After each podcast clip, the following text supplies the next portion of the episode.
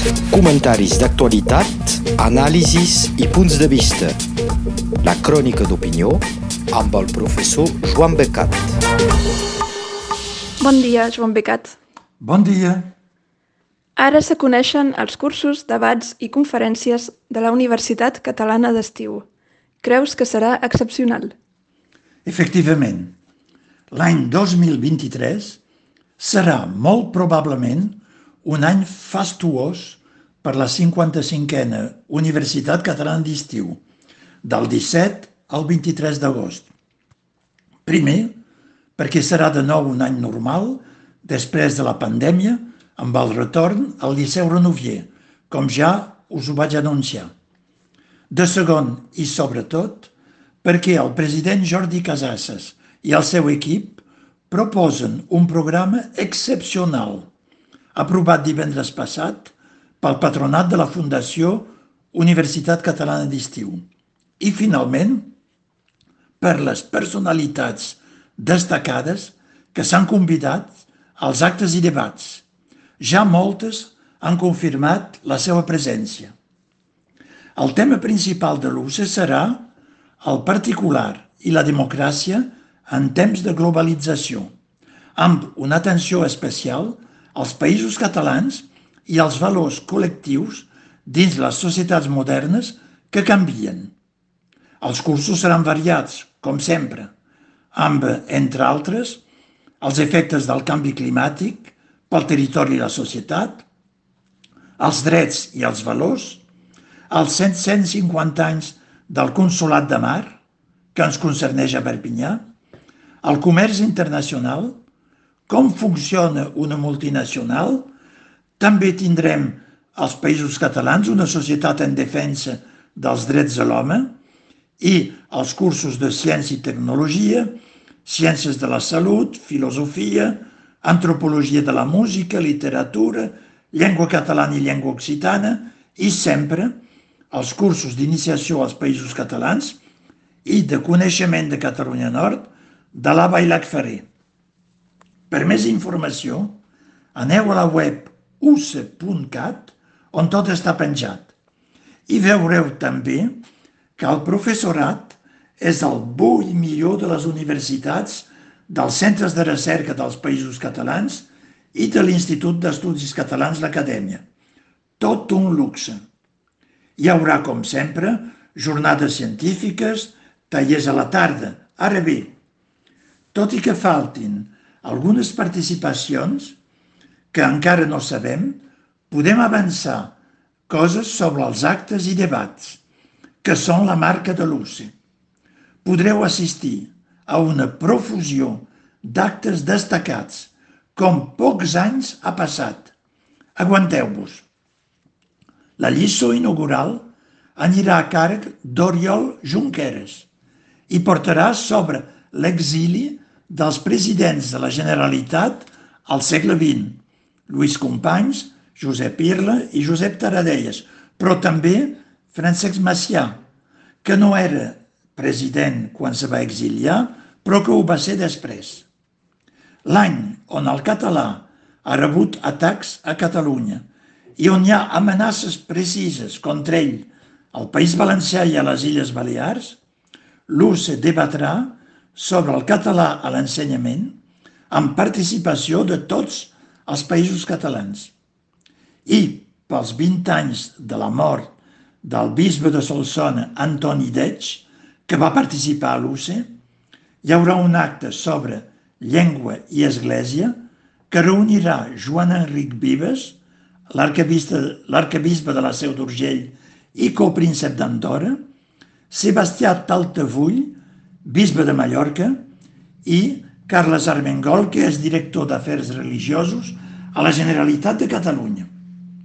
Al debat sobre les universitats i la Unió Europea veureu rectors de les universitats i Joaquim Nadal, el conseller de Recerca i Universitat, antic professor de l'UCE i amic de l'UCE. Se recordaran també els 50 anys del Manifest de Prada, el català llengua d'expressió científica, en presència d'alguns dels que ho van firmar l'any 1973, i la presidenta de l'IEC, Teresa Cabré. Anna Simó, la consellera d'Educació de la Generalitat, clourà l'acte. Però crec que l'UCE serà marcada per les commemoracions de dues il·lustres figures catalanes que han viscut a Prada, Pompeu Fabra i Pau Casals. Pels 75 anys de la mort del lingüista i gramàtic Pompeu Fabra, el pare, com se diu, del català modern, que descansa al cementiri de Prada, tindrem una conferència de Nicolau Dols, el president de la secció filològica de l'IEC. S'han convidat a la diada, és original, les entitats que any rere any organitzen la renovació de la flama de la llengua catalana a ciutats diferents i s'anirà de la plaça fins al cementiri de Prada, on hi ha la seva tomba, com pel dia del seu funeral. Pels 50 anys de la mort del mestre Pau Casals, tindrem un dels moments forts de l'ús d'enguany. En un acte a Sant Miquel de Cuixà, presidit per l'abat de Montserrat, Manel Gasc, se vol posar en relleu el seu famós discurs del 1971 a les Nacions Unides, que comença per I am a catalán, soc un català. S'han convidat tots els presidents de la Generalitat, han confirmat la seva presència i parlaran els presidents Jordi Pujol, José Montilla, Carles Puigdemont, Quim Tora i el president actual Pere Aragonès. Un acte que no us podeu perdre assistint-hi o mirant-lo en directe des del vostre ordinador en streaming. Sempre els mitjans de comunicació han seguit l'UCE i, per tant, ens han ajudat d'aquesta manera. L'any passat eren 22 periodistes acreditats, però segur que aquest any seran encara més nombrosos amb aquest programa i que l'UCE farà les portades de les ràdios televisions i dels diaris, segur. Passem al sud. Per una maniobra decidida a Madrid, el socialista Collboni és alcalde de Barcelona. El primer, Xavier Trias, que havia de ser l'alcalde, ha dit en el seu discurs que us bombin a tots. Sí, sí, tal com és. Ho podeu sentir. És el que va dir Xavier Trias el nou alcalde socialista Jaume Collboni i els comuns i el Partit Popular que el van votar. Que us bombin a tots. És a dir, aneu a fer punyetes. I va afegir, no s'atreveixen ni a mirar-me la cara, que els fa vergonya. Va ser una operació pactada a Madrid, al més alt nivell, entre el Partit Popular i el PSOE per evitar que hi hagi a Barcelona un alcalde independentista. Trobem, doncs, darrere d'aquesta maniobra que pot semblar insòlita o contra natura, és a dir, la dreta i l'esquerra pactant i l'extrema esquerra Comuns Podemos acceptant la decisió, doncs trobem els partits que van votar el 2017 l'aplicació de l'article 155 contra el govern Puigdemont i l'independentisme a Catalunya. En efecte, el que ha passat a Barcelona és un acord en aparència contra natura, però només l'aparència, perquè és l'entesa entre el Partit Popular i el PSOE, aquesta entesa tan profunda que va més enllà de les lluites pel poder a Espanya. No cal mai perdre de vista que qui va decidir la repressió contra Catalunya no va ser el PP, perquè no tenia majoria suficient per fer-ho. Són els vots dels socialistes del PSOE que ho han fet possible. I són ells que fins avui dia han deixat desenvolupar-se la repressió. Me sembla, a mi, que Esquerra Republicana no ho ha volgut veure, dient que amb els progressistes se podia pactar quan ja era evident, i avui ho és encara més, ja que ells també són descartats, que per sobre de tot, per ells, hi ha Espanya, una unió sagrada de l'extrema esquerra a l'extrema dreta contra l'independentisme a Catalunya, on tot s'hi val. Crec que Esquerra Republicana n'hauria de treure lliçons i canviar d'estratègia, perquè ara ho ha acabat de tocar del dit. Ho ha declarat, sense embuts, el coordinador, el coordinador general del Partido Popular a Madrid, a una ràdio d'aquesta ciutat. Tradueixi. Hem aconseguit retirar la governabilitat de Barcelona al partit de Carles Puigdemont. Tot està dit.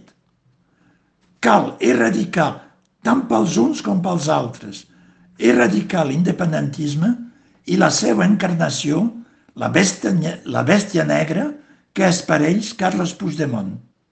Per això és tan important la lluita des de l'exili.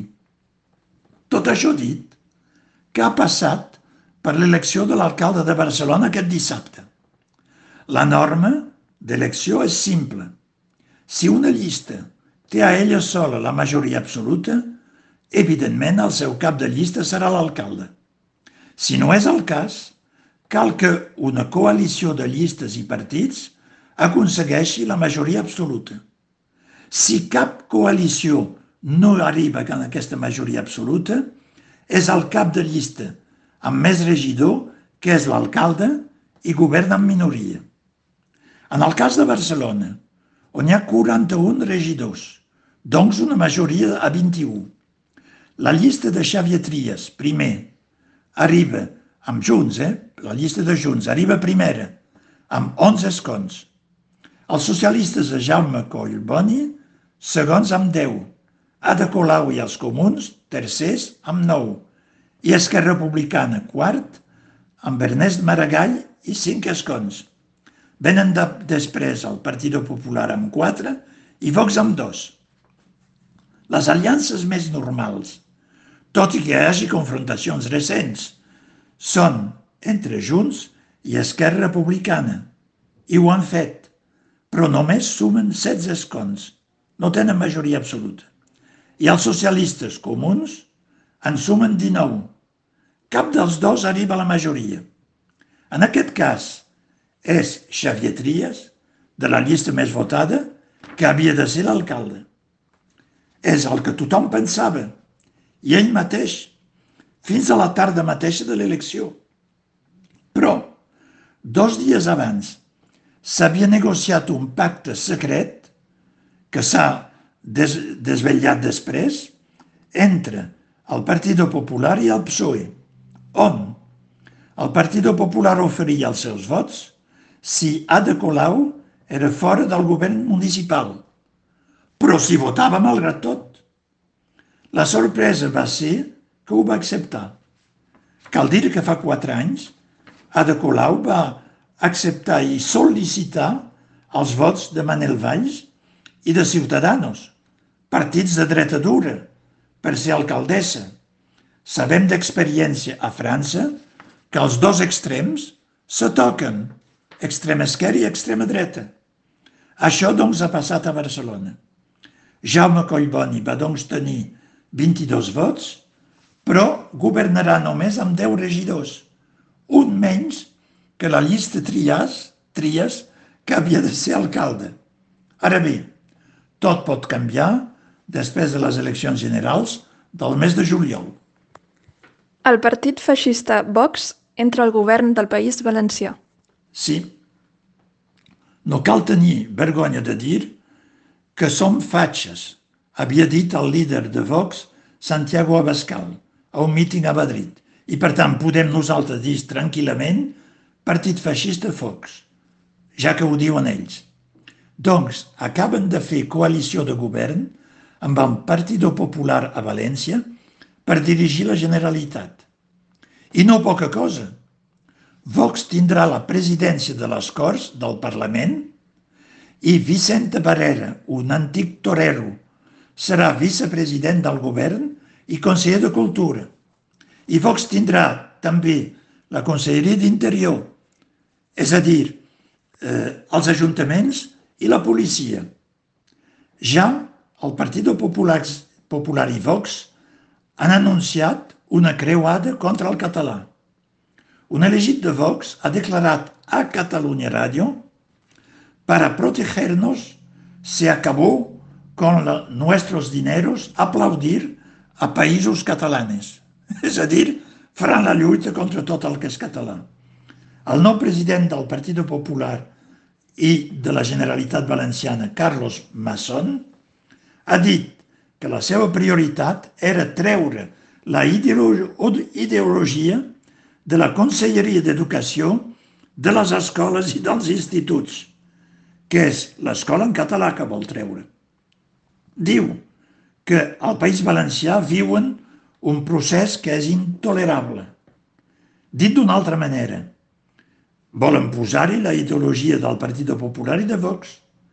El vicepresident ex-torero va afegir unes banderies, vol fer votar una llei de senyes, de senyals, d'identitat valenciana.